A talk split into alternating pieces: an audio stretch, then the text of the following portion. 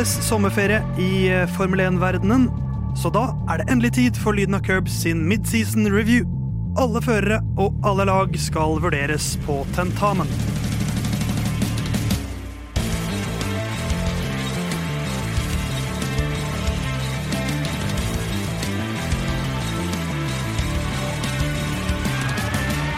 Ja ja, men sann, det er ikke eksamen, for det er på slutten av sesongen når man har vært gjennom alt. Det er tentamentid i Lyden av Curbs i dag. Alle lagene skal vurderes. Hvem har imponert, hvem har skuffet?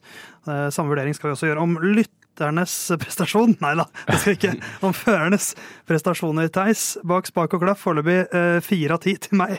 Fire av ti til deg. Eh, Jon Halvdan, hvordan vil du vurdere din egen innsats så langt i dagens Lyn og Curbs-episode? Eh, kort, eh, men eh, Og litt bakpå, egentlig. Fordi dette her skal sirlig regnes ut, det vi skal gå gjennom nå. og det sitter jeg og diller med nå. Eh, men likevel vil jeg gi høyere score enn til mister. Fraværende i dag. Herman er ikke til stede. Han er, Det skal vi få vite snart hvor han er. Men Tobias, før vi hører fra rasshølet fra Langangen, Yes. et annet rasshøl i studio her, fra Sørlandet, hvordan går det med deg? Det går veldig bra. Ja. Veldig deilig å være tilbake. Hva har skjedd siden sist uh, at du var med i Lyden av Cups? Nei, jeg har vel vært i, i bryllup til en Halvdan, da. Jeg vinnerlige føljetongen der. Ja. Skal vi, Er det på tide å legge det bryllupet bak seg nå til neste år? Når det er bryllupsdagen din, Halvdan, og vi må snakke om det da? jeg tenker det er greit. Ja. Ute på turné for tiden, eller eh, Tobias? ja, det blir litt spilling om dagen, ja. Litt sånn fadderukeperiode for deg, selv om du verken er fadder eller fadderbarn. Det er sant. Det, ja, Får spilt litt uh, konserter i fadderuka, det er veldig gøy. Det Er er Takknemlig publikum, er det ikke? veldig. Ja. Gjelder ikke for seint på kvelden, men eh, sånn i åttetida så er det veldig takknemlig. Er det jukebox-tendenser hvis det blir for seint? Ja. Kan dere ikke spille den der Ta noe, Spill noe ABBA eller Creedence. Alltid ABBA eller Creedence. Eh, Herman tror jeg ikke har hørt om ABBA. Eh, I hvert fall ikke om Creedence. Men nå skal vi høre hvor Herman er. Nå er eh, jeg i Death Valley-området. Eh, og som dere hører, så er det noe sånn uh, Er det Siriser det heter? Som uh, går i bakgrunnen her. Og det høres helt parodisk ut her jeg står, men ja. Det er jo ikke noe bakgrunnslyd som er bestilt av noen av våre lyttere, for det er ingen som har tatt seg bryet med å legge inn det på min Instagram nå heller. Så det får bare gå. Ehm, nettopp vært i Yosemite-området eh, med noen nydelig kveldssol og lang kjøretur, men eh, helt strålende, altså. Lever mitt beste liv over her i, eh, i USA. Hadde en nedtur med at Taco Bell var stengt 20 minutter før tida, så da gikk Da gikk verden litt i tusen knas, men nå er vi oppe på hesten igjen. Klokka er 03.00. Eh, flere lydklipp følger. Så er det natta.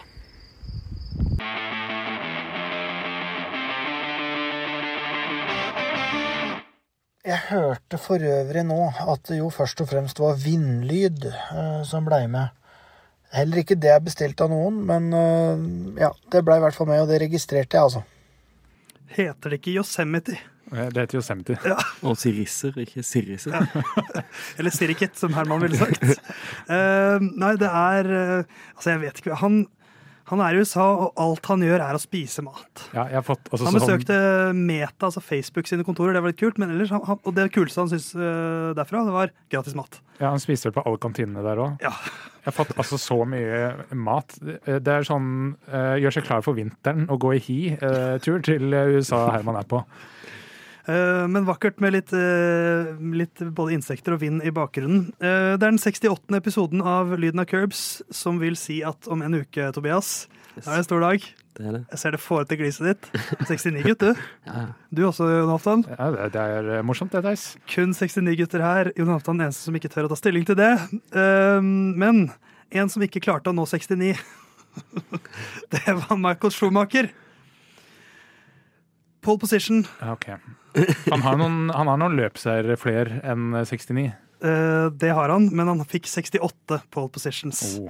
Eh, han nådde ikke eh, 69 dessverre der, men eh, det er ikke verst. Det er kun én som har flere enn han. Det er Louis Hamilton på 104, Ja. som er en helt perverst høy eh, eh, score i forhold til alle andre. Eh, Schumacher sin første, Monaco i 1994. Eh, De ti første tok han i Benetton, og så var resten for Ferrari. Den siste tok han i Frankrike i 2006. Nest siste i USA. Hei, Herman. Nei, dagens sending Enkelt og greit, vi skal vurdere samtlige førere og samtlige lag ut ifra eh, forventninger eh, og resultater. På en skala fra én til ti Ja. så får vi en eh, snittscore, og det blir den føreren og det laget sin eh, midtveisvurdering. Eh, hilsen lyden av curbs. Eh, alle skjønner konseptet enkelt og greit. Vi skal trekke tilfeldig. Skal vi bare dundre i gang? Vi bare dundrer i gang.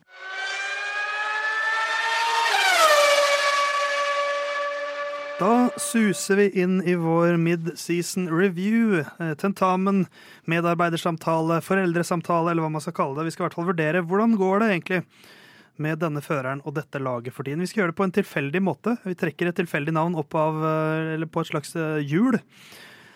Og så skal vi si da, hva syns vi, hvordan syns vi denne føreren har gjort det så langt i år? Og det blir jo eh, en slags blanding mellom eh, harde fakta og en slags sånn subjektiv approach. For det handler om forventninger.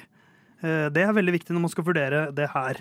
Eh, Det er ikke så enkelt at Max Verstappen leder, og da får han ti av alle. Uh, nei, ikke nødvendigvis. Og at Nykter Friis ligger sist, det betyr han får én av alle. Uh, I hvert fall av meg, kanskje. Vi får se.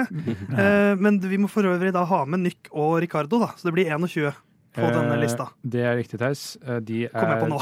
Eh, Ja, de er med. Um, Jeg har da åpent to vinduer her. Det ene er et regneark der jeg nå skal sette inn den scoren hver enkelt gir.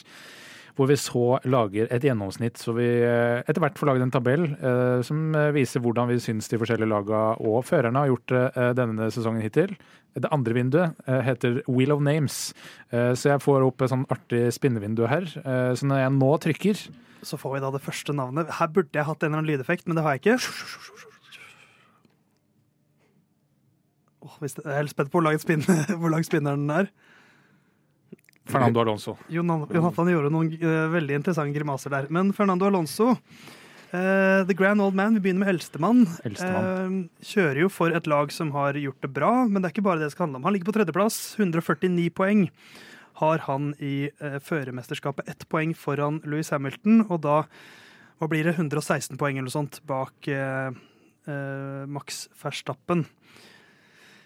Hva 165 Ja. poeng cirka Ja. bak Verstappen. Eh, bra sesong, men fada litt ut av det. Men kanskje ikke hans feil. Han har gjort mye riktig, han individuelt sett. Altså nå, Hvis man ser eh, starten på sesongen, hvor det var eh, eh, nesten umulig for han å ikke fullføre på podiet, så er det jo klart at det har gått litt uh, utfor med bilen. Men han har sett supersharp ut når den bilen har vært god. Uh, som var helt uh, fra starten av sesongen. Og det er jo uh, det, Man ser jo litt en Alonso på og ikke på. Det er typisk første løp når han nesten blir kjørt ut av Lance Stroll. Han får ikke med seg hvem det er som kjører han ut, men han slipper ikke den.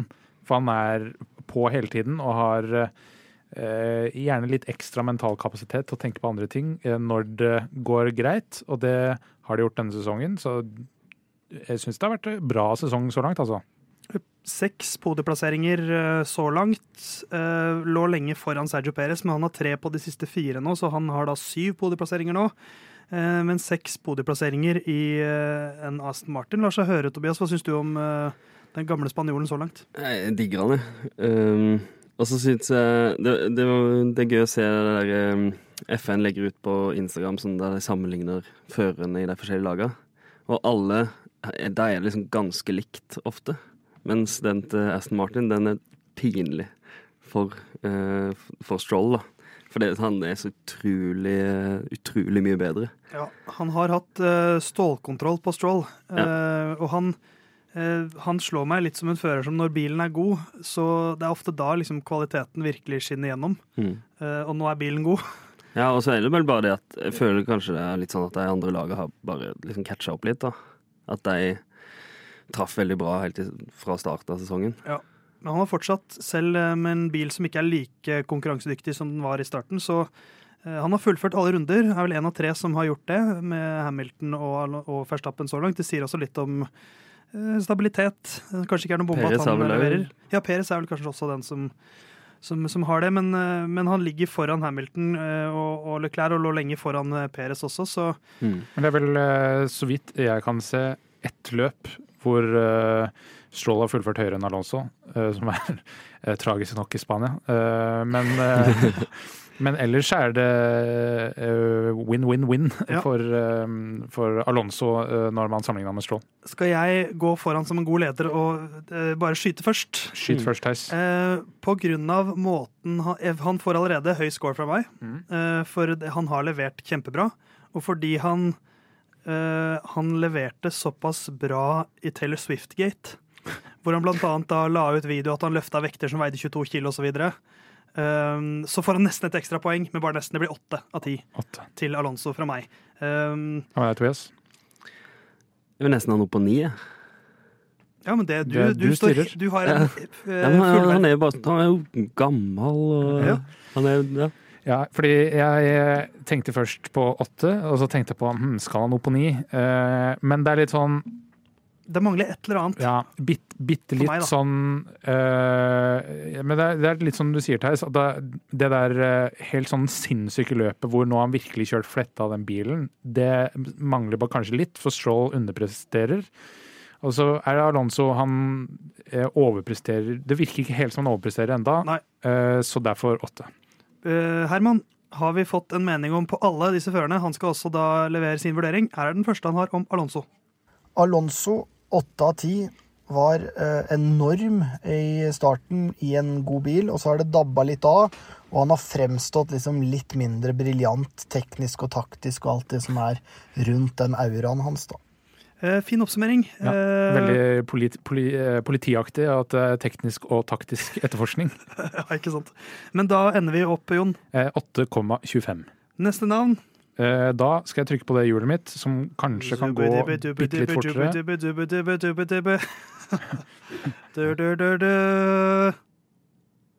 Nesten. Yuki Sunoda. Yuki Sunoda. Eh, han har um, ja, hva har han gjort? 17.-plass foreløpig, tre poeng i form av tre tiendeplasser. Eh, hadde da også tre ellevteplasser i løpet av de første fem løpene. Begynte sesongen veldig bra, hatt en liten um, tyngre periode. Og så poeng igjen i Belgia. Um, litt sånn uh, tumultet rundt ham i laget. Hva syns du Sunoda har fått ut av sesongen så langt, Tobias? Jeg, jeg syns det er litt vanskelig å si, fordi Ja, han, han er jo Men han kan jo bli litt uh, Det kan bli spennende å se han nå sammen med Ricardo. Og få sammenligna med flere folk i samme bil. Uh, for det jo, virker som det er en utrolig dårlig bil. da. Ja, og han kjørte jo sammen med Nykter Friis, mm. som er en utrolig utrolig dårlig fører. men, men sikkert en fin fyr. Ja, ja. Men han kan bare ikke kjøre bil.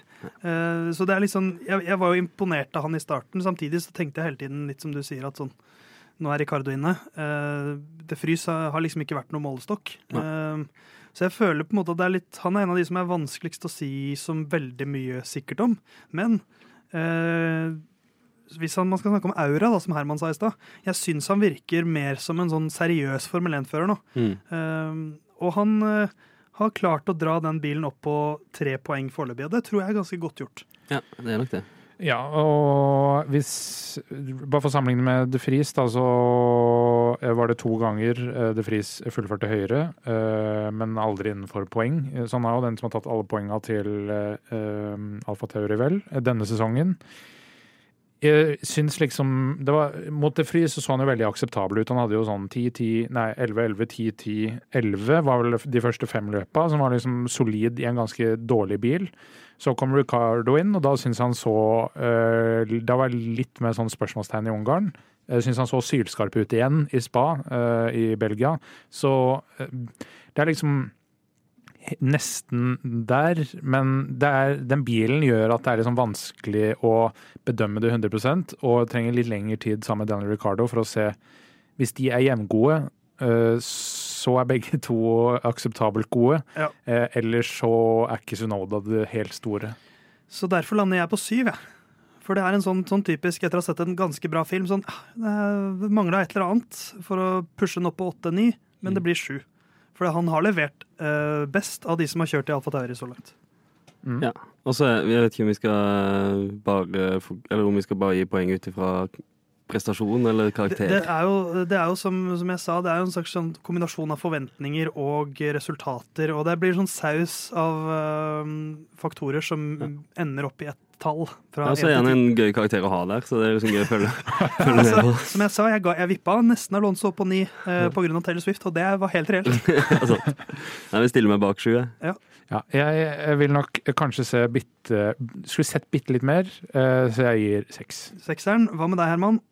Sunoda, ehm, jeg gir han fem av ti. Det er litt sånn verken-eller for meg. Han har liksom ikke hatt de George Russell-resultatene i en dårlig bil, og må rett og slett se han han mot uh, Ricardo for å få noe pekepinn på hvor han egentlig står. Setter seg på gjerdet, rett og slett. Eh, men det er på en måte fair, for det gjør jo litt vi også. Da ender vi, Jon, på 6,25. Eh, 6,25. ja, så nå har det vært litt føre var, så ikke vi skal vente så lenge på det her du er så proff. Radioproff. Eh, vi skal eh, holde oss litt nede på eh, tabellen, eh, og vi skal til USA. Da er det Logan the Boy Sergeant Det som stemmer. er uh, nestemann. Um, ja, det har jo ikke blitt noe poeng foreløpig på Logan Sergeant. Han har eh, fullført alle løpene bortsett fra ett, eh, og er, har da en ellevteplass som beste resultat. Det tok han på Silverstone. Eh, så han ligger da foran Nykter Friis og Daniel Ricardo på countback. Um, og i en Williams-bil som vi har sett er god nok til å ta poeng, så er spørsmålet, Jon, uh, hva sitter vi igjen med av Logan Sargent-inntrykk? Eh, det er, eh, fordi Hvis vi snakker om George Russell-aktige sesonger, så har jo Albon definitivt hatt det. eh, Kanskje enda mer i løp enn i kvalifisering. Som gjør at det kanskje er litt sånn At man kan bli litt vel streng med Logan Sargent, men jeg syns han har ikke fremstått sånn sinnssykt imponerende. Eh, han har slått Albon eh, to ganger denne sesongen her.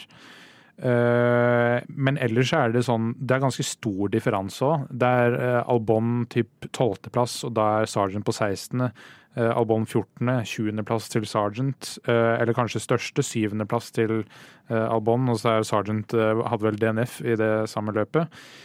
Så det er litt sånn vanskelig å si så veldig mye. òg. Han får jo nesten ikke TV-tid, og Nei. så mye onboard har jeg ikke sett av Sargent.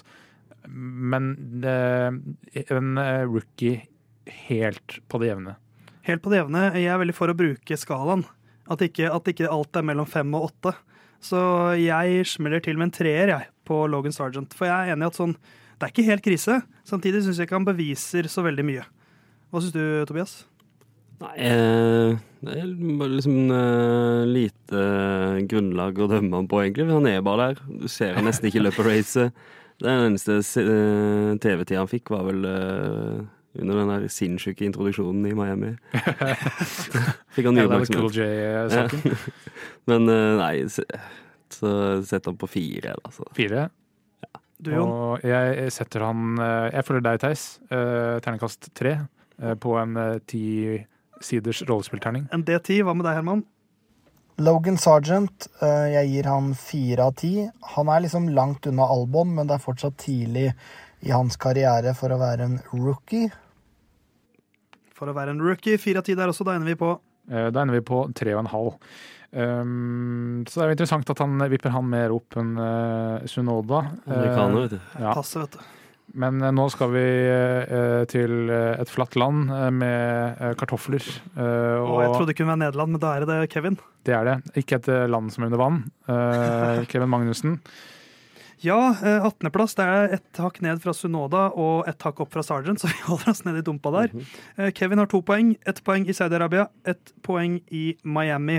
To poeng sammenlagt, da, og dårligst av alle som har poeng.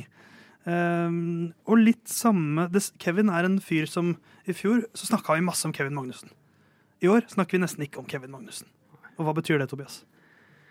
Nei, det betyr at han uh, verken uh, overpresterer eller underpresterer noe sånn voldsomt. Men jeg syns det virker som om Hulkenberg er den beste av de. I kvalik spesielt. Ja. Som liksom har vært litt Magnussen-styrke før. Uh, Hulkenberg eh, bedre. Så jeg, jeg sitter liksom hele tiden og tenker at Kevin uh, sliter litt. Mm. Uh, er du enig, Jon? Uh, ja, de har hva skal vi si, like mange fullført over den andre denne sesongen her. Men jeg syns sånn eh, gjerne gjennom løpet så er Magnussen Han fader ofte litt, men det gjør jo den bilen uansett. Men så syns jeg han fader mer enn det bilen gjør i seg sjøl. Han virker som han er liksom halvveis på vei hjem eh, sånn etter løpet. Litt usikker på om han eh, har liksom den gnisten igjen, eller om dette er eh, ja, møter opp på jobb og gjør det han må. Og eh, har jo selvfølgelig han også fått beskjed om at eh, nå må du gjøre det bedre, eller så er du snart ute, som Gunther Steiner liker å sende rundt uh, omkring. Uh, men jeg syns ikke det er bedre enn fire. Én bedre enn Sergeant fire. Uh, jeg føyer meg i rekken der. Fire av ti fra meg også. Samme her. Og Herman, får vi jo første helstøpte firer. Kevin Magnussen, tre av ti herfra. Um, har liksom vært litt tilbake til det gamle for dansken, og er jo dårligere enn Hulkenberg. Rett og slett. Og da ender vi, Jon, på 3,75. Uh, nest laveste score til nå. uh, nest laveste så langt. Flere førere med en gang. Ja ja, Jon. Hva er neste navn? Eh, neste navn, som jeg trakk mens vi eh, hadde en liten kort pause her, var eh, Carlos Sainz jr. Carlos Sainz jr. Sjuendemann, 92 poeng.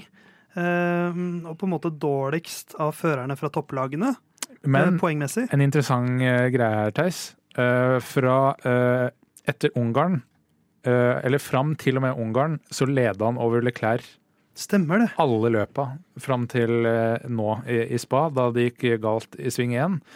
Eh, og da en eh, poengdifferanse der eh, Leclerc nå leder med syv poeng. Så det er jo veldig jevnt i, i, i, sammendraget der i kampen om den femteplassen. Leclerc på 99, eh, George Russell på 99 og Carlos Sainz på 92. Og så er det hopp ned til Lennon Norris på 69. 69. Um, så eh, ja Litt anonym sesong. Det er litt tilbake til det anonyme, syns jeg, for Carlos Sainz. eh, the smooth operator. Her er jeg litt uenig. Eller er han uanonym, som det heter? Eh, ja, altså på en måte litt, litt anonym blir det jo pga. den Ferrari-bilen, men når du sammenligner han opp mot Leclerc, ja vel, så er ligger han bak Leclerc nå. Men jeg, jeg syns han fortsetter litt på det fra i fjor, å være litt sharpere enn Leclerc når det gjelder eh, taktikk underveis i løpet og utfordre Ferrari mer. Ja. Eh, Men Leclerc har tre podieplasseringer. Ja. Sainz har null. ja. Uh, og det kan være mange Og på det er litt typisk for de to, kanskje. At, Ja, det er det. eh, at da Leclerc så lenge har ligget bak. Uh, mye pga. to retirees i starten her, og Sainz har jo da bare hatt én, og den kom i Belgia. Men han, ja, for jeg, eh, Leclerc er jo litt mer enten-eller, føler jeg, enn Altså, Carlos er jo litt mer eh, Han er sånn jevnt god, på en måte. Ja, men- og og min, kan jo minne litt om den andre spanjolen her, med å ha liksom hodet veldig med seg underveis. Ja, og bunnivået hans er høyere enn bunnivået til Leclerc, mens toppnivået er lavere enn Leclerc sitt. Eh, og det gjør jo at uh, For det var jo i ferd med å skje litt det i år, det som vi spådde i fjor. At uh, Ja, ja. Sainz sin stabilitet er nøkkelen som vil ta ham over eh, det ekstreme talentet til Leclerc, men også da bunnivået til Leclerc. For med genialitet så kommer ofte galskap, og det har eh, Leclerc eh, litt av, som slår ofte litt galt ut. ja, nå skal han ha litt flaks, da, for nå er det sju poeng i Leclercs eh, favør ut sesongen. Men eh, for meg terningkast åtte. Åtte! Det er høyere enn jeg trodde. Eh, hva med deg, Tobias? Ja, jeg satt der og tenkte åtte, altså. Ja, nå eh, Jeg vet Nei, hva, hva- si hva du tenkte. Seks. Seks, ja. Seks. Jeg tenker alltid på seks. Eh, Men du da, Herman, du tenker på Science fem av ti. Ja. Kan rett og slett ikke huske at han har kjørt i år, men når jeg ser på poengoversikten, så matcher han jo Leclerc. Ikke sant? Interessant. Eh, Hva blir det til, snitt da, Johnny? Det blir eh, 6,75, eh, så eh, eh, kanskje lavere enn det man skulle tro. Eh, men det er fordi Herman eh, må slutte å sove eh, underveis i løpet. Neste. Nestemann ut er Esteban Ocon. Esteban Ocon, for apropos anonym, eh, laget hans har ikke fått det så veldig bra til. Eh, Ocon er nummer ti, midt på treet, 35 poeng. Han har én podieplass, det var i Monaco. Eh, Han har brutt tre ganger og tre poeng uten løp, og da, hva blir det, seks poeng eller noe sånt. Med, seks løp med poeng. Men han er jo et stykke foran Pierre Gasly, eksempel, som er hans eh, motpart i eh, alpin. Ja. Så eh, han kjører jo best av de to, da. Eh, åpenbart gjør han det, over flere løp også. Og Gasly har fullført flere løp enn han. Ja, men, men, han er litt definisjonen på manglende krydder for meg. Eh, altså en sånn dårlig krydra gryterett, hvor det er sånn du tar på salt og pepper, og så smaker det salt og pepper. Ja. Jeg synes, altså Bortsett fra eh, podiet i Monaco, som er liksom flaks, men samtidig, når du har kvalifisert der, så er det liksom den minst imponerende podiet å beholde. Hvis du skjønner hva jeg Ja, mener? jo, jo, jo, absolutt. Han er litt uh, Hvis du prøver å lage taco uh, på helt vanlig måte, men du dropper uh, tacokrydderblandingen, uh, og bare alt på det samme måte, så er det fortsatt godt, men det er noe som mangler, og det er litt den du beskriver, Jon. At Ja. han, er, han er helt OK. Helt OK. Det var der, der satt den. Uh, ja, vet du hva? Det blir seks av Fem av ti. Fordi jeg syns bare Nei, seks av ti. Vipp den opp til seks pga. den podieplasseringen. Hvordan er det, Tobias? Da tar jeg fem av ti, da. Ja, jeg tar også seks av ti. Jeg syns det er øh, Når jeg ser hva jeg har gitt til Sunoda, så, så er det liksom det er, det er, Men likevel. øh, Ja, jeg, jeg men her, her kommer forventningene litt inn i bildet. Ja. At jeg hadde høyere forventninger til Håkon. Ja. Uh, men du da, Herman? Esteban Ocon, fem av ti, ser jo på en måte jevn ut med Gasly. Um, så er det jo for så vidt i en helt middels bil, men holder han dermed hakket under uh, nysigneringa. Greit nok, eh, det. Har vi et uh, navn til her, eh, eh, Johnny Boy? Ja, Eller skal vi. vi ha snittet til Ocon først, kanskje? Snittet til Ocon, de som har rask i hoderegning, fem og en halv. Eh, vi skal da fylle ut uh, førerparet til et lag eh, når vi nå eh, går videre til Nico Hylkenberg. Og Ylkenberg, eh, han er jo en, eh, en tilbakekomst i Formel 1. Og jeg sa jo i stad at han har gjort det bedre enn Kevin. Og nå er jo også utfordringen å prøve å huske hva jeg ga til de andre. Men det eh, må jeg bare prøve å huske. Eh, jeg syns han har vært ålreit, jeg. Ja, Ja. Det, det har vært eh, et det- et akseptabel, en akseptabel retur. Eh, mindre sånn uh, rockestjerne som Magnussen var første løp i Bahrain i fjor, men jevnere, syns jeg, for Magnussen. Han pleier å Han er god første dag. Han er veldig himmel og helvete. Ja, ja, men nei, han gjør uh, all uh, håndhilse på alle og sånn første arbeidsdag, og så setter han seg til et hjørne og er litt uh, uh, eh, hva skal vi si, sånn bevegelsessensor. Ja. Jobber bare når folk ser på. Kevin er han i klassen som rekker opp hånda på det første spørsmålet og det andre spørsmålet. Veldig aktiv i starten av timen når spørsmålene er lette. Og så vet han at nå har jeg gjort mitt. Da kan jeg lene meg bakover og slappe av resten av timen. Ja, og så sier det jo en del eh, Og det er jo klart at man, det er jo heldig plasseringmessig, men eh, det er jo vanskelige poeng å få. eh, Men det er 9-2. sånn har to, hva er det, to poengplasseringer. Det samme har Magnussen, bare at det har blitt mer poeng hver gang. Ja, uh, Hulkenberg har da blitt nummer syv og ble nummer seks da i sprintløpet vel i Østerrike. Um, så jeg syns at uh, Hulkenberg har, han har bare sett bedre ut enn Kevin, jevnt over. Uh, så jeg gir han en sekser. Ja, Enig. Seks fra meg. Ja, enig. Og da er spørsmålet, Herman, blir vi enige? Nico Hulkenberg, eh, åtte av ti. Eh. Hva mer skal han egentlig kunne gjøre i en elendig bil? Eh, knuser jo Magnussen i comebacket, hvis vi skal være litt tabloide. Uh, er vi ganske tabloide, så kan man forsvare det. Uh, da får vi snitt, eh, Jon. Eh, halv, eh, som er eh, litt eh, over Yuki Sunoda og litt under Carlos Sainz. Ikke sant? Og nå skal vi da eh, videre til eh, kanskje en av mine favoritter denne sesongen her, eh, Oscar Piastri. Oscar Piastro, som jeg kaller han, eh, har levert eh, strålende. Det lukter en rookie of, rookie of the year, gjør det ikke det her, Tobias? Jo, Han er jo øh, Han er jo veldig flink. Og det Jeg var jo litt sånn spent på han siden det var så sinnssykt med hype. Eh, men han kjører jo helt sinnssykt bra, syns jeg. Ja, altså Det er jo for meg åpenbar eh, potensiell future world champion eh, Mm. i Oscar Piastri.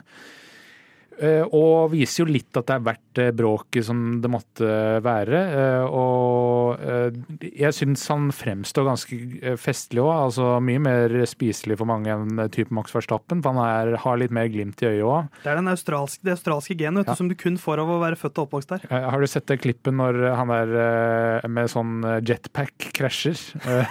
Så bytter de bilde til Oscar Piastri som bare Der eh, anbefaler å, å se det. Eh, men for meg eh, en seier unna ti. Derfor ni av ti. Eh, Jeg føyer meg inn i rekken der. Ni av ti. Eh, Herman sa hva annet kan man gjøre? Det er litt der, altså han, er, han har jo blitt slått ganske solid av Landon Norris eh, helt fram til nå de siste løpene. og ja, Han fortsatt blitt slått, Ja, men han er ganske nære. Og Norris rater vi veldig høyt her i Lyden og Curbs, Mm.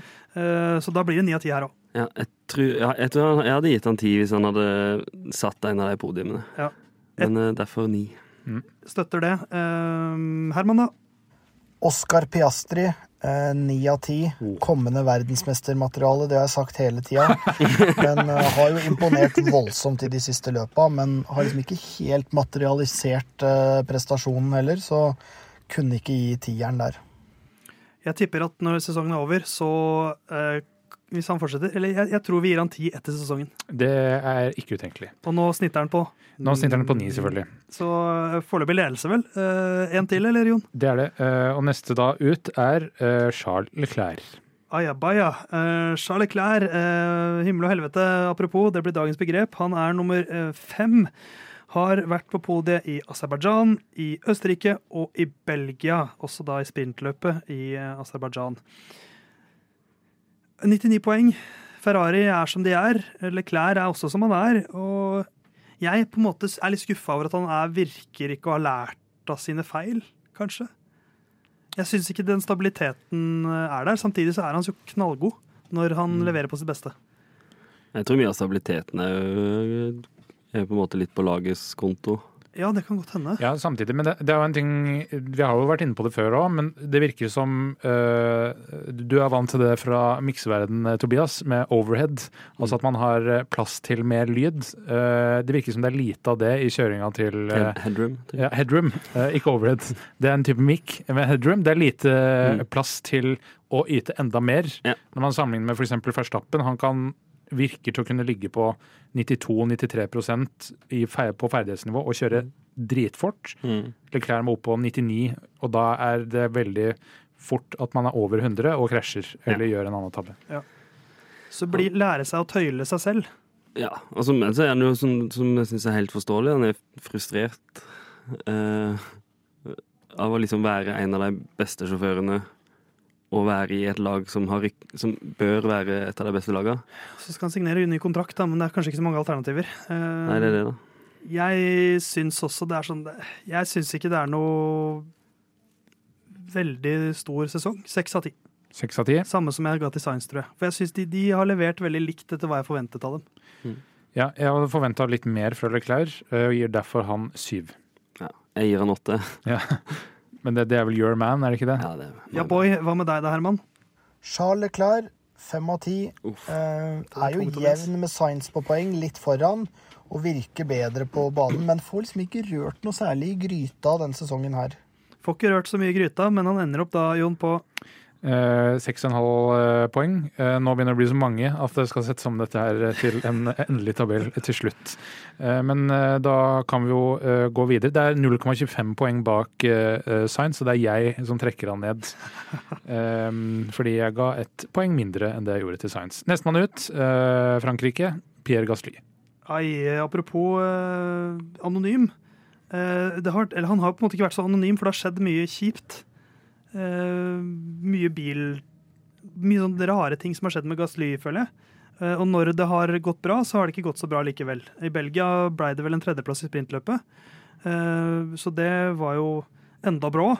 Eh, han har 22 poeng, mens Esteban Ocon har 35. Eh, Gasly trodde jeg at var ganske god til å kjøre. At han kunne bli noe stort. etter at han bounsa litt tilbake etter den dårlige Red Bull-perioden. Mens nå syns jeg dette har vært et steg tilbake igjen. Eh, 100% enig. Jeg syns det har vært ordentlig skuffende. Det, ok, det er ikke så mye poeng, det er 13 poeng forskjell, men det er ikke så mange poeng man kjemper om heller. Det er typ eh, fire og seks poeng eh, per løp. Eh, så jeg syns alpinlaget er jo et kaotisk lag i seg sjøl, men jeg syns Gasly Jeg, jeg rata han høyere enn Ocon. Litt vanskelig å kunne si det samme nå. Ja, jeg, ja, jeg er jo ikke så veldig imponert. Altså, når han kjørte i uh, Alfa Tauri, så var han jo bedre enn en Sunoda, kanskje, men det var jo da Sunoda hata å trene. Ja, ja. Og, og bare var litt sånn slask, nesten. Så det er jo litt sånn rart sammenligningsgrunnlag. Jeg syns nå er det kanskje bedre sammenligningsgrunnlag, men jeg, tror- jeg syns han bare bleikna litt. Enig. Enig, jeg gir han fire, jeg. Eh, Jeg eh, skrev også ned fire. Jeg gir han tre. Ikke sant? Og Herman? Gasly, eh, seks av ti, har uh, tilpassa seg alpin raskt og bra, syns jeg. Det er imponerende, men det er liksom ikke noen store resultater utover det. Jeg synes alltid det er gøy, det er gøy med Herman til slutt. Ja. For det blir en sånn oi sann, oh fuck. det er alltid, jeg føler alltid jeg pleier å være så enig med han, jeg, men Han viser seg som en snåling nok en gang. Vi skal ta flere førere straks.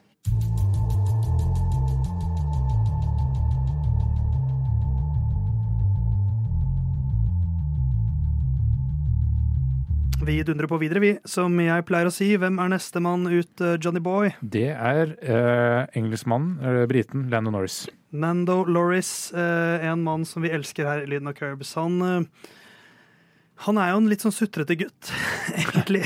For å kalle en spade for en spade. Han er Men samtidig så er han en fin gutt, på en måte. Han klarer litt begge deler. Eh, fortsetter å fremstå som en leder, syns jeg, i, i eh, McLaren. Og nå, med en fyr ved sin side som også leverer, så syns jeg det bare hever Norris. Når han fortsatt er best. Ja, eh, enig i det. Han, altså det er jo eh, Igjen så gjør han det jo bedre enn eh, lagkameraten. Han har jo eh, omtrent dobbelt så mange poeng.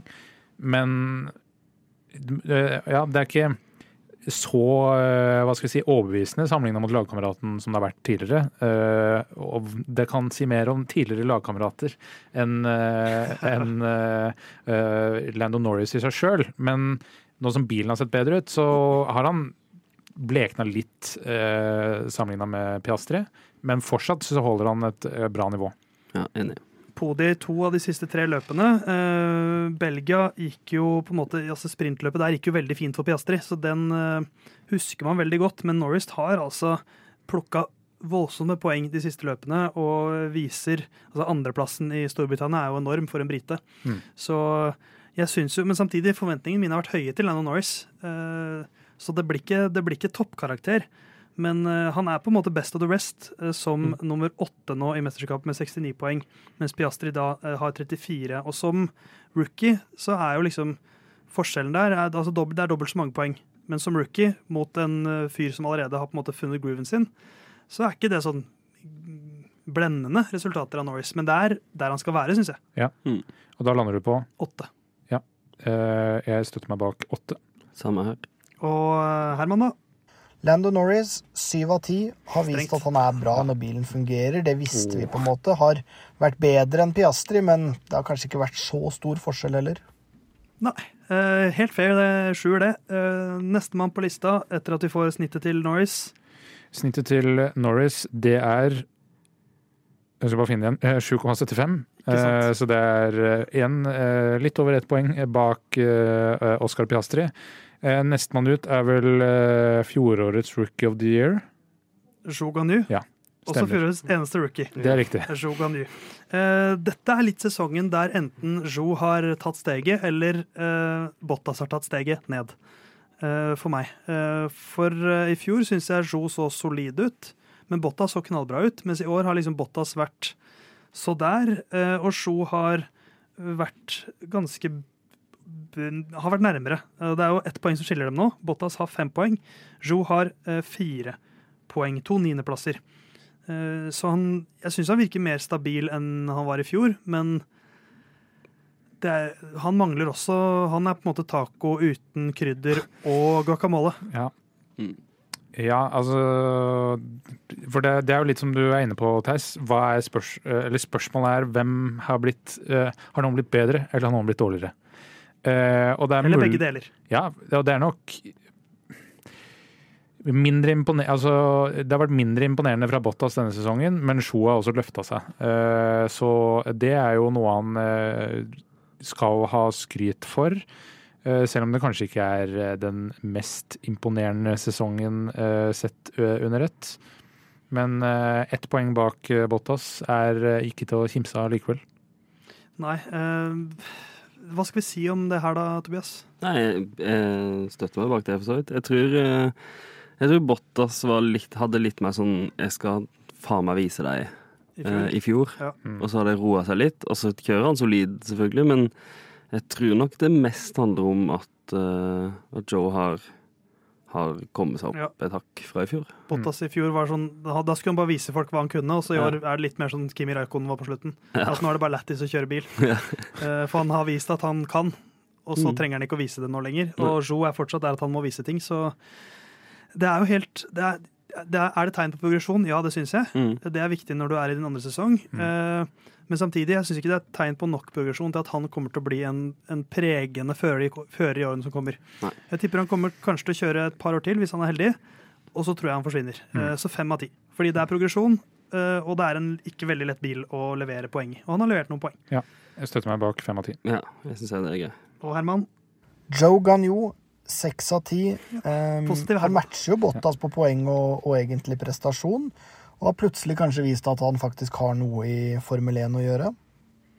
vi er ganske enige med Herman i dag. Det er jo sjokk. Stort sett, men ikke alltid. Eh, Nestemann etter Jeg glemmer at vi skal få snittet. Jeg Eh, beklager. Snittet er eh, 5,25, som plasserer han eh, rett foran Gassly Gasly og bak eh, Ocon. Eh, og nå, nå kan det hende at det går bitte litt hardt for seg, i hvert fall for mannen borte i USA, når vi skal bedømme Lance Stroll sin sesong.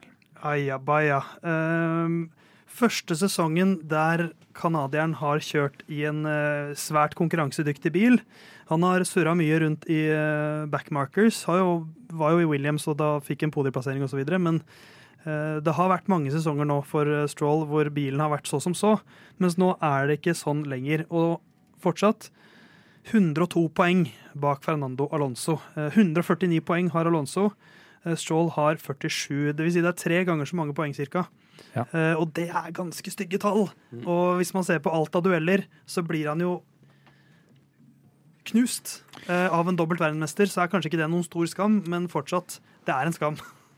Ja, altså Når vi ser på head to head, så ja. Eh, noen få formildende ting er at han ser eh, ganske skarp ut i forbikjøringer, som er en ting jeg egentlig ikke hadde forventa å si om Lance Stroll. Men han virker som han har ganske god oversikt over hvor eh, de fire hjørnene på bilen er. Sammenlignet med f.eks. Grosjean, som aldri visste hvor det var. Men det er jo en uh, utrolig skuffende sesong. Hadde jo en liten rant om det uh, forrige uke også. Uh, men ja, det er svakt. Og Stroll har jo kjørt Han har jo kjørt i mange år nå. Ja, ja. Han har jo Eh, vært der dritlenge. Ikke dritlenge, men han har vært der uh, mye lenger enn han burde. i hvert fall. Det kan jeg si. Uh, ikke sinnssykt gammel heller, uh, til hans fordel, men, men han har vært der en stund. Ja, men Han hadde ikke fått en hel sesong engang hvis han hadde vært Red Bull-sjåfør. Nei, det, det er sant. Um, skal du begynne, Tobias, med poeng? Ja, jeg, kom- nå kommer jeg til å miste tittelen min som Hermans favorittvikar. han, skal, han får en toer av meg. Toer. Eh, for meg blir det Han har en tredjedel av poenga. Eh, han får ca. en tredjedel av poenga til Lance Stroll også. Eh, tre. To. To. Herman, Lance Stroll, to av ti. Eh, Oi. det er vondt å gi eh, så dårlig karakter til eh, sin bror, men det er på en måte første gang jeg syns han, eh, han har fått en berettiga paydriver-kritikk. Han er 100 poeng bak Alonso og har liksom ikke noen minneverdige resultater. Ble litt letta her. Ja, det blir jo da 2,25 og helt bakerst. Nestemann ut, George Russell. Aja baja, eh, nok en brite. Uh, Georgie Boy han har jo uh, i fjor uh, så første året hans i Mercedes, litt apropos det vi sa om Bottas, en mann som hadde noe å bevise. Eh, det gjorde han i fjor også. Fikk han, han fikk flere poeng enn Hamilton i fjor. ja, eh, da, det prata vi mye om, mens i år eh, så har Mercedes-bilen funket bedre, og da er Hamilton klart foran. Han er 49 poeng foran George Russell nå. Russell A-poeng med Leclerc på sjetteplass, da bak på countback. En podieplassering, den kom i Spania. Det er jo Hamilton strikes back-sesongen, på en måte, for, eh, for Russell, det her. Um, Ja, det er jo det. Altså, litt det skuffende. Fra første løpet så har Hamilton hatt flere poeng, eh, Ja. og det har han hatt eh, hele veien. Og jevnt over vært bedre enn han i Syns jeg har sett bedre ut i hvert eneste løp, nesten. Ja, eh, du har kvalifisering, Mr. Saturday. Der har han vært uh, Russell har vært mm, ganske ute i perioder. Uh, bare spa nå sist, så er han vel ute i Er det Q2 han ryker ut i? uansett ganske skuffende for hans del. Og så syns jeg ofte det er i siste fasen av løpet, når det er sånn du burde ha tatt nok vare på dekk til å gi alt, så er Hamilton skarpere mm. i den delen av løpet. Um, så eh, ikke den Wonderboyen som eh, han skulle være. Den vanskelige andre sesongen, eller? Ja, ja. kanskje. Jeg syns han, eh, jeg synes, han Han er jo flink og alt det der, men jeg syns det bare er litt sånn Han er litt kjedelig. Kjører litt kjedelig. Eh, Sammenligna med Norris, for eksempel, så syns jeg ikke han er så imponerende. Og det er jo, det er jo på en måte en som er naturlig å sammenligne han med, da. Mm. Uh, Hamilton har liksom vært oppi der. da, To andreplasser, uh, har hatt en tredjeplass. Uh, pole position. det har liksom, Hamilton har vist at den bilen og den er det mulig å få til ting med. Mm. det vet vi at Russell har fått til før, med biler som liksom, altså sånn som i Williams. Den dro han oppover. Den, han klarer ikke helt å dra Mercedesen i riktig retning nå, syns jeg. Mm. Så jeg er egentlig ganske skuffa over George Russell, så jeg gir han Men samtidig, han tar poeng jevnt og trutt. Han er foran Science. han er ikke langt bak Leclerc. Han, liksom, han kan fortsatt avslutte ålreit. Så jeg syns på en måte at det er, fi, det er fire av ti for meg. For det det, det er mindre enn en det Det er ganske mye mindre enn jeg forventa. Så det, her er det forventningene ja. mer enn resultatene som spiller mot min mot. Uh, ja, jeg er helt enig i det. Ja, vel, ja, han har høye forventninger til. Har, jeg tror alle har høye forventninger til han, og han er ikke innfridd, så jeg gir han fire. Ja, men eh, Ti av ti fra Jon. Nei. men det må Det er Eh, OK, ikke så mye tabber eh, som Leclerc, eh, men de har omtrent samme poeng, eller nøyaktig samme poeng. husker ikke. Like mange. Ja. Charles foran på comeback. Så jeg må gi han syv. Oi, det er den største forskjellen vi har hatt så langt. Hva i alle dager syns du om dette, da, Herman? Russell fire av ti. Den er kanskje Oi. litt streng, men han har liksom ikke laga så mye halloi foran der. Og virker jo treigere enn Hamilton. Det er Jon som er raringen. Jeg er raringen. Uh, og da ender vi, Jon, på? Uh, da får han en snitt på 4,75 uh, og legger seg da foran Gasli og bak Shogan Yu. Hvem hadde trodd det? neste navn, Jon? Det er, når hjulet mitt har snurra ferdig, oh, det, nå, hvis det er lov å si Nå skulle man tro det gikk fortere i og med at det er færre navn, men det spinner kanskje like lenge. Ja, et hjul er like stort. vi skal til toppen.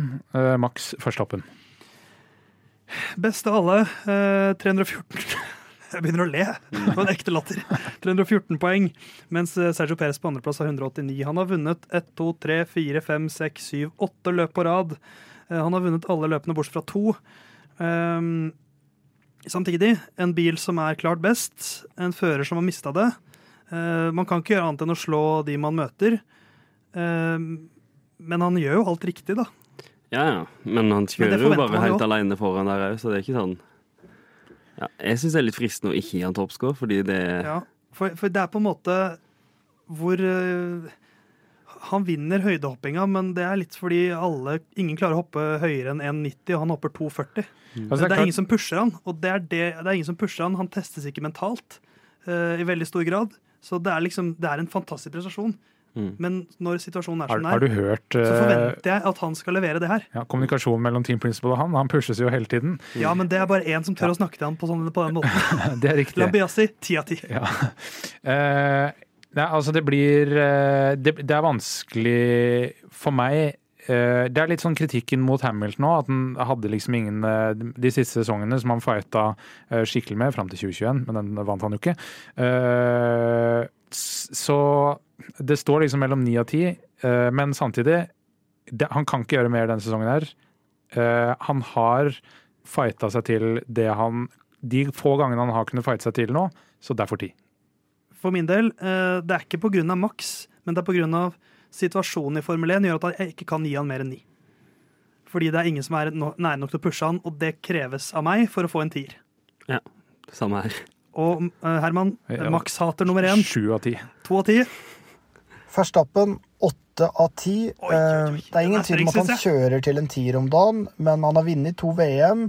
Eh, og det er litt vanskelig å gi en høyere score for en så god fører uten at han har noe særlig konkurranse i form av rivaliserende biler, og kanskje særlig em, lagkamerat. Så jeg anerkjenner at han kjører til en tier om dagen, men han er på en måte i eh, en helt egen konkurransesituasjon også. En streng åtter, det blir ni i snitt, det, Jon. Det stemmer. Da går vi løs på siste bolk.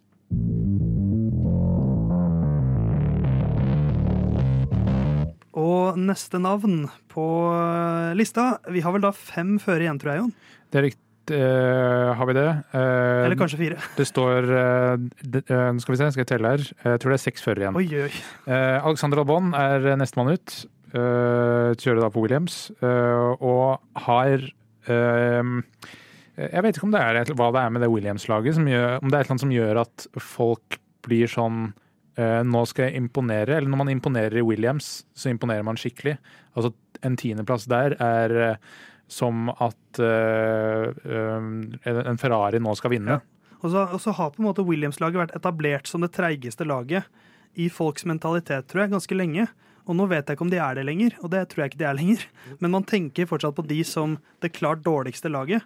Eh, og det tror jeg også hjelper litt deres føreres prestasjoner litt. At sånn som i Belgia, den bilen var ikke treigest. Uh, I hvert fall ikke på langstrekkene nei. da det var tørt. Det var Så, tørt. så den, har noen, den har noen ekstremferdigheter som gjør at det er mulig å få noe ut av den. Mm. Men det har Albon vært veldig god på å få, få, få til, Mm. syns jeg. Jeg syns jo han er der når han skal være der. Elleve poeng. eh, de har gjort ja, en du kan sånn bare gi ti. eh, ja, ja. Gøy. Men Albon har elleve poeng, og de har jo han er god på å få til sånne sjuke taktikker. Eh, Sånn- Australia i fjor, tenker du på? Ja, men de har prøvd seg et par ganger i år, har de ikke det? Uten å få det til, men, men Ja. det føler jeg ikke har vært hans skyld. Mer sånn at løpssituasjonen har gjort Ja. at det ble ikke det man hadde Uheldig håpet. med safety car osv. Nei, Albon for meg. Eh, åtte. Åtte. Ja, for jeg syns han har fått til mer enn jeg forventa. Jeg skrev inn syv. ja. Jeg sier sju, jeg. Og Herman sier Eh, Alexander Albon, åtte av ti, drar laget litt på samme måte som George Russell gjorde, altså i en dårlig bil, og virker jo egentlig til å fortjene en bedre bil nå. eh, Det tror jeg mange vil si seg enig i. Vi får se om eh. Williams klarer å gi ham den. Eh, Da får vi snitt, Jon. Eh, snittet til Albon er sju og. Eh, og nå kan det bli vanskeligere fordi datasettet er mindre enn med de andre førerne enn det det er når vi skal nå eh, gi vurdering til Daniel Ricardo. Ja, Danny Rick, to løp. det er ikke så mye å vurdere, men, eh, men han har jo på en måte vist at eh, 13. og 16.-plass eh, Jeg syns han har sett bedre ut enn Nykter Friis, som er på en måte minstekravet. Ja. Eh, han har pusha Sunoda. Eh, han viser at han fortsatt er god nok, syns jeg. Det, det, det er jeg overbevist om allerede, til å, til å fortjene en plass. Ja, altså Jeg vil jo uh, Han er god nok for uh, Alfa Tauri.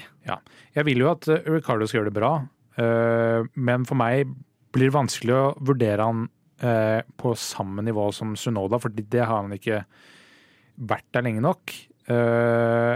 Og jeg tar også utgangspunkt i ting jeg har sett, ikke det hva Christian Horner sier om rundetider Mm. på noe dekktest i en Red Bull.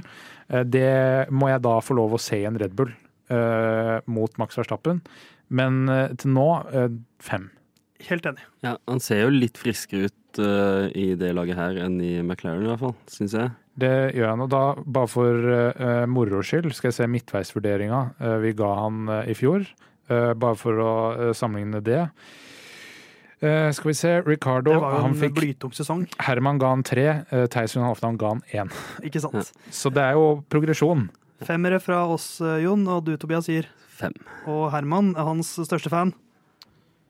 Daniel Ricardo, eh, jeg gir han sju av ti. jeg. Syns han har vært god i kvalik. Har liksom kommet inn med en bra spirit, og så har han jo selvfølgelig fått gode skussmål da, som har gitt han det setet. For han legger av vekt på eh, det eh, Christian Horner Ja. sier. eh, pluss at han gir han hele to poeng over uh, Yuki Sinoda. Subjektivitet er en stor del av denne rangeringen. Neste navn, Jon? Det er Da har vi vel fire mann igjen. Ja. Så det begynner å bli mulig å bruke ut eliminasjonsmetoden. Ja. Uh, vi skal uh, ganske langt opp. Er det lus? Uh, enda høyere. Perez. Peres. Da er det ser Oi! Men det kan fort hende at vi skal helt i bånn. Uh, Checo Perez har vi prata mye om i det siste. Mm. Uh, forrige uke så sa vel jeg at han er den som jeg syns har skuffa mest i år. Uh, men, på en, men på en måte så har han jo ikke det, i og med at han er nummer to. Men det handler jo litt om at lista legges ulikt for ulike førere. Og uh, siste månedene Tobias, så har det vært sørgelig å være Checo Perez-fan. Det har det. Alt ligger liksom til rette for at han skal kunne gjøre det bra. Det, å kjøre i den bilen er, det er som å spille tennis med nettet nede, så Det er et nydelig bilde. han uh, burde gjort det bedre. Så eh, det blir nok en slaktkarakter fra min uh, Ja. side. For dette, dette er jo liksom Han er et bevis nå på at uh, selv i raskeste bil så er liksom Han er jo det, det, det de alltid sier i Drive to Survive. Din verste fiende, det er mannen som sitter i samme bil. Han er på en måte kroneksempelet på hvordan en, eh, en makker kan kle deg fullstendig naken. Ja. Og det har han blitt, han blitt kledd naken i år. Og det er jo et par makkere som er verre å ha. Eh, der er nok eh, Louis Hamilton og Max Verstappen i øvre sjiktet. Fernando Alonso der også. Charlie Leclerc ikke helt der enda. Em, det Peres representerer framfor noen andre, er uh, hva som kunne vært. For hvis vi ser på Bottas da han uh, var uh, Altså Nico Rosberg og Louis Hamilton i Mercedes, det var kamp nesten til døra hver sesong. I hvert fall mer spenning enn nå. Bottas han prøvde iallfall. Han kunne ta en pole position innimellom. Men som vi var innom forrige uke òg, det er så sørgelig det Peres har levert når man sammenligner ham mot Verstappen, at for meg jeg tok i bruk hele skalaen i stad. Det skal jeg gjøre nå også. Én. Det, Det, blir, det blir dobbel ener, for, for, for her kommer det også en ener. ja, og han, for han har jo liksom Jeg skjønner hvorfor han har havna i den posisjonen han har. Han kjørte jo veldig bra helt i starten, men han har fått altfor lang tid i det laget. Uh. Ja, og det, det er først og fremst pga. kvalikprestasjonene og måten han bare har eh, foldet sammen helt mentalt. Og Herman uh, blir vel da sikkert en tier. Peres tre av ti. Det kunne vært fire av ti, det kunne vært to av ti. Har tidvis sett ut som en fisk på land, men samtidig så gjør han jo på en måte den jobben han skal i Red Bull, så det ville ikke holdt i en vanlig konkurransesituasjon, men allikevel så funker det på en måte i Red Bull. Jeg er uenig med Herman, men samtidig så kjøper jeg argumentasjonen hans Ja, ja. Mm. En, en og en halv i snitt, da. Eh, Det stemmer. Eh, Så ikke veldig oppløftende. Eh, Vi skal videre til neste fra toppen. Da er det Louis. Da er det Louis. Eh, jeg, sa jeg sa Hamilton Strikes Back i stad. Eh, det er en slags kombinasjon av musikalen Hamilton og en Star Wars-film. Eh, Hamilton syns jeg har vært god i år. Fått mye ut av bilen når den har begynt å levere. Bra i kvalik. god på dekka. viser litt sin mojo igjen. Selv om han fortsatt klager mye, da. Men det gjør alle i den sporten her. Så jeg, jeg syns Louis slår slår tilbake igjen etter en litt sånn prøvende sesong i fjor. Ja, nei, mm, jeg liksom Den der klaginga på radio-greia er eh, Det er, er sannsynlig Igjen, jeg har ikke gått og kontrollert alle radioene, men jeg tipper det er omtrent eh, ganske likt fordelt. Ja, og så er kanskje det mest interessante som kommer fra Hamilton sin radio i år, er sånne ting. Ja, øh, og jeg vet ikke hvor øh, um, Jeg vet at du, Theis, du har FN, F1 TV. Har du også, Tobias? Mm. Eh, og anbefaler egentlig alle å prøve det, for å høre hvordan førerne Du får høre all radio uh, ufiltrert, Uh, så det er ganske mye kommunikasjon som foregår. Eh, for Louis sin del så er det mye om hvordan andre kjører utafor banen, men det gjør Norris og Verstappen og Peres og Ja. hele gjengen også. Mm. Men hvis man ser liksom på prestasjonene da, mot sin lagkamerat, så er det jo igjen fra start Jeg sang jo her på julaften at eh, Louis er fortsatt en goat. Eh, og det eh, er han jo, eh, viser han jo at han er eh, den ledende eller føreren i det laget, syns jeg, denne sesongen. Ja, absolutt. Eh, Jeg syns det er litt vanskelig å plassere Hamilton, fordi han, er så, han har så enorme resultater fra før. Samtidig så er liksom forventningene er at han får så mye ut av den bilen som det er mulig å få ut. Og det syns jeg han begynner å nærme seg, og han tar en pole position i Ungarn. Eh, Så det gjør at jeg vipper han faktisk opp til åtte. Ja, altså, etter fjoråret så er på en måte forventningene mine til han skrudd ned ganske mye. Og tenkt at han liksom bare Nå er han på en måte ferdig med det nivået han har vært på. Men eh, så virker det som han er liksom på vei tilbake litt. Jeg gir han åtte. Åtte. Jeg gir eh, også åtte. Og Herman gir Hamilton seks av ti. Eh, man kan ikke annet enn å være streng med tidenes beste, men han glimter jo til innimellom, så det er i hvert fall over middels, da. Eh, ja, det blir jo da en eh, 7,5 halv i snitt, eh, som eh, legger han over eh, Carlos Sainz, eh, og på samme poengsum som Alexander eh, Albon. Eh, Ja, ikke sant. Det er jo eh, Herman overrasker meg. Uforutsigbar. Mm. Eh, Vi har to mann igjen. Det har vi. eh, og da er det sistemann som fortsatt kjører Formel 1, Valtteri Bottas. Det er En slags himmelsk ironi i hvem som kommer til slutt her. Men, eh, men Bottas først. Eh, Ja. Litt skuffende. skuffende anonymt. Altså, det som for meg står ut, da, er det Ungarn-løpet, hvor eh, eh, jeg fikk en melding fra Herman om at eh, veldig usikre kilder sier at Alfa Romeo har bedre race pace enn Red Bull. Det kan godt hende at de hadde, men da forvalta de det altså, på dårligst mulig måte. Da forvalter de det Ja. veldig dårlig. Eh, eh, og det er jo klart at eh, hadde en dårlig start i det løpet. Bottas holder på å kjøre inn i han, men, men det, det, for meg Bottas har vært Der han var imponerende i fjor, så er han veldig anonym i år. Lik poengscore som Sjo fra min side. Ja. Jeg tror du traff spikeren på hodet Tobias, i stad da du sa at han, liksom, han, han hadde mye han slo, Det var hans siste sesong, ordentlige sesong i fjor. Og nå er han mest opptatt av å reise rundt, sykle og selge gin. eh, og gjøre sånne ting, som er helt fair. Han har Ja. bevist at han kan. Eh, litt som James Hunt i den filmen. Den Men ikke la det. Han hadde vist verden at han kunne bli verdensmester. Bottas viste at jeg, jeg var ikke bare en møkkafører. Mm. Det gjorde han i fjor. Nå skal han chille. Um, fire Men han har skuffa fire, Ja, jeg gir han fem. Ja. Jeg gir også fem. for å være en fet fyr. Ja. Uh, hva med deg, Herman? Bottas, eh, jeg har gitt han fire av ti. Jeg syns ikke han er i nærheten av den fjorårsåpninga han hadde, og jeg syns på en måte han virker litt sånn halvferdig. Det er jeg helt enig i. Og da ender vi på Eh, Da ender vi på eh, fire og en halv, eh, som er eh, rett over Gasli og under George Russell. Og da, Jon, spinn hjulet for siste gang. Det Ja. står ett navn igjen. Det er da Nyck de Vries.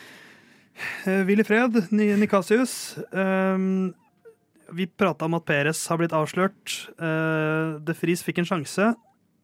Eh, gikk litt all in. Sa vel at han ville inn i Alfa Tauri fordi at der hadde han muligheten til å nå Red Bull. Det hyller jeg, at han valgte det. Mm. Eh, men det gikk ikke. Men jeg, jeg tror vi kanskje, eller for min del i hvert fall, er litt farga av at de har gitt opp veldig fort på han, Ja, men på en måte. For, fordi jeg var jo litt på bagen din. eh, Med, du kritiserte Theis òg for å skulle shippe han ut etter første løp. Jeg ville jo ikke ha han inn til å begynne med. Nei. Men han er jo en Formel E-vinner, en Le Mans-vinner. eh, Så han ble henta inn der for at han skulle være mer eller mindre umiddelbar suksess, som han var i Monza. Det var han ikke. Eh, Så det forstår jeg på en måte, men jeg forstår ikke at de henta han inn.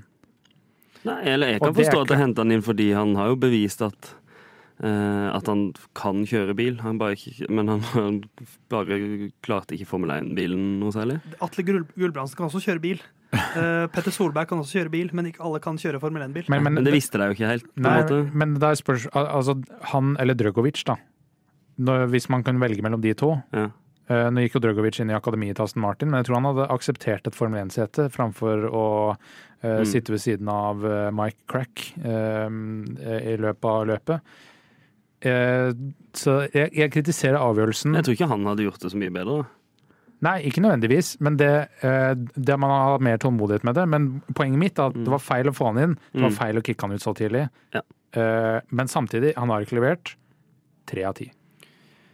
Eh, han har ikke levert. Uh, mange forventer kanskje bunnkarakter av meg, men forventninger skal også spille inn her. Uh, og han leverte ikke Altså, han leverer ikke, leverte ikke mindre enn jeg forventa, så jeg, jeg kopierer den tre av ti. jeg.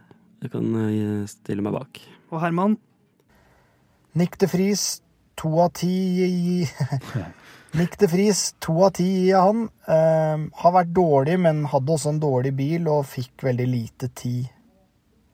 ja, rett og slett. Eh, og da ender Nikasius opp på Eh, 2,75. Eh, og da har vi også en eh, ferdig tabell. Og vi skal ta en liten pustepause, tenker jeg, Jon. Mm. Og så skal vi gå litt gjennom resultatene våre.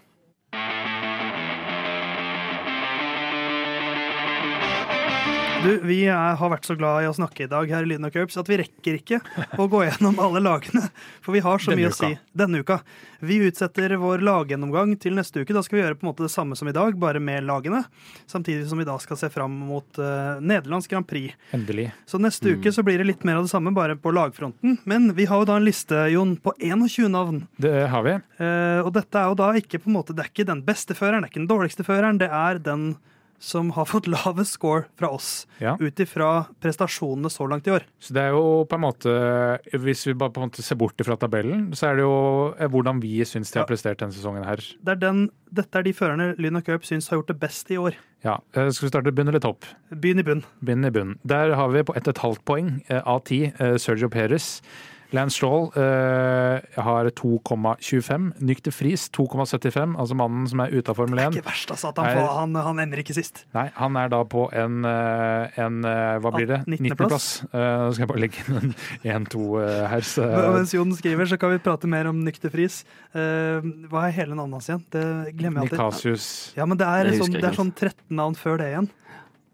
Fortsett på lista du, Jon. Ja, der fortsetter jeg.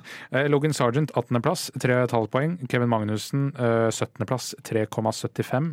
Pierre Gasly eh, 16.-plass med 4,25. Så det er ganske eh, tett eh, herfra nå, eh, inkludert Gasly med Bottas med 0,25 poeng mer, eh, etterfulgt av Russell med 0,25 eh, poeng mer enn det igjen, eh, på da en 14.-plass. Så er du 5,25 poeng. Shogan Yu 12.-plass.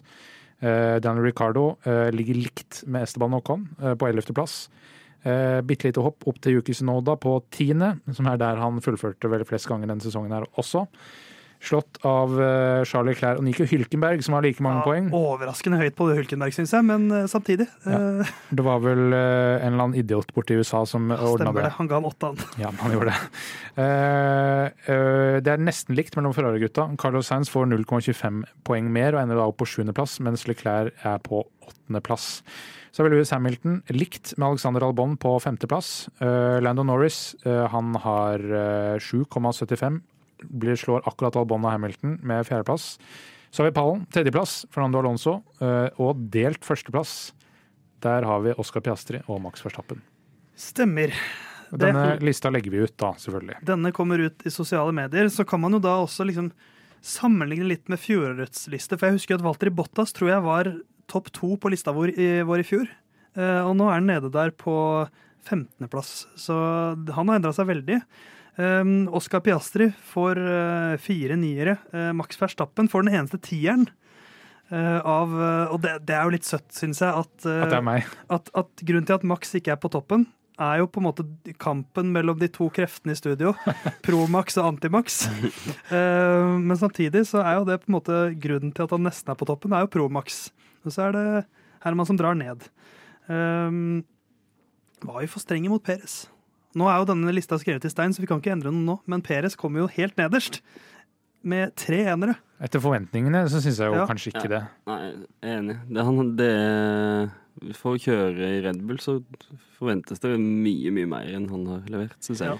Men, men altså hvis vi bare tar et uh, lite kikk bakover til de som har hatt setet hans før, Alexander Albon og Pierre Gasly uh, og Daniel Ricardo. Men Daniel Ricardo han leverte eh, det man kunne forvente. Uh, Gasly gjorde ikke det. Han hadde en veldig eh, rufsete start på oppholdet der òg, og ble jo kicka ut eh, rimelig raskt. Albon var der i vel halvannen sesong. Mm. Eh, ja. Eh, halve 2019 og hele 2020, i den grad det var en hel sesong. Eh, og så ble han da uh, Peres gikk inn, og Peres leverte jo ganske bra i starten. Uh, Iallfall etter forventningene, fordi det hadde vært eh, litt middelmådig, det som var levert før. Og Albon var jo et førsteløp i 2020 unna å kanskje ha en helt annen type Red Bull-sesong. Ja, så det, det, det er en så Det er den kollapsen eh, som Tobias sa. Han spiller tennis uten nett. Og han klarer fortsatt ikke å slå ballen over nettet. Mm. Av og til. Det er en sånn Jeg hadde mye høyere forventninger, spesielt etter det han liksom har vist i starten av Red, Bull-karrieren. Han var liksom ikke sånn som uh, Gasly og Albon, som kommer inn liksom med talent. Han var en godt og garvet Formel 1-fører som skulle liksom tåle presset, og som jeg syns gjorde det i fjor. Og når bilen er så åpenbart raskest, og så begynner han på en måte bra i år, men så kommer det en sånn Plutselig så bare faller alle veggene sammen. Ja, altså du har jo da Max har vunnet alle løpa som Per, uh, unntatt de to som Peres har vunnet. Og da burde egentlig resten være toere eh, hos Peres. Eh, men han har bare, eh, hva blir det, tre andreplasser. Ja. Så det er jo én, to, tre, fire, fem, seks løp, sju løp, som han har droppa andreplassen. Og det er for svakt. Altså, han hadde fått høyere enn én av meg hvis det hadde vært alltid 1-2. Ja, altså for, min, for, min, del, han, han, hadde vært på to hvis bare ikke kvalikkollapsene hadde vært så vedvarende. Mm. Mm. Det var en sånn liksom Kjøre seg opp i løp som bare er et bevis på hvor bra den bilen er. Men når han da ikke klarer å holde det sånn OK i kvalik engang, så blir det én. Eh. Og så er det Oscar og Max på stoppen, eh, men sesongen er fortsatt ung. Det er mange løp igjen. Eh, nå merker jeg at jeg gleder meg til neste uke, for da er det race week. Det er bare noen dager til race weekend. Det er snart ja. Nederlands Grand Prix. Det har vært uh, lenge uten. Det har vært lenge uten. 27. august er uh, Formel 1-sporten tilbake, uh, mens 22. august så er Lyden av Curbs tilbake. Da er det disse tre karene som skal i studio igjen. Mm -hmm. så Tobias, hva skal du gjøre neste uke? Nei, Jeg skal spille noen flere konserter, da. Altså jo, jeg begynner faktisk Jeg skal begynne på master til, på mandag. Master i? I musikk. Utøvende musikk. musikk. Musikkmasteren eh, er klar neste uke. Du Jon, hva skal du fram til neste tirsdag? Eh, nei, det blir vel eh, noe jobb. Det blir en svipptur til Grimstad i helga. Noe bursdagsfeiring og noe sånn. Eh, så eh, få kjørt litt, da. I tillegg til at det er sesongåpning på jobb. så det er jo hyggelig. Ikke sant. Jeg skal spille Balders Gate og kommentere Danmark rundt. Ja. For et tullete liv jeg lever. det er et Hubba Bubba-liv. Det er et Hubba Bubba-liv, mens Herman skal spise Hubba Bubba og all slags fet mat rundt omkring i USA. Eh, spise seg stor og feit. Ja. Eh, så får vi se om vi får han inn i studio når han kommer tilbake. Ja. Uh, så hører vi nok noe fra Herman neste uke også. Så du som hører på, send oss gjerne en melding eller et eller annet på Lyden av Curbs på Instagram. Ja, så tror jeg, jeg tror faktisk at Herman går helt til kjelleren hvis ikke han får ett ja, forslag til. Det er en vanskelig utfordring, uh, men jeg håper én lytter går inn på borg.mp4 på Instagram, send han en melding. Hva skal Herman ha som bakgrunnslyd? Og for eksempel da Helene mumler i bakgrunnen, uh, ja. det er tåkelur Herman denger løs på en cheeseburger i bakgrunnen eller noe sånt. Det kan være hva som helst. Utelukkende spisende pommes frites. Ja, Involver mat eller drikke. Da tror jeg han løser det med glede. Eh, vi er tilbake om en uke. Kos deg.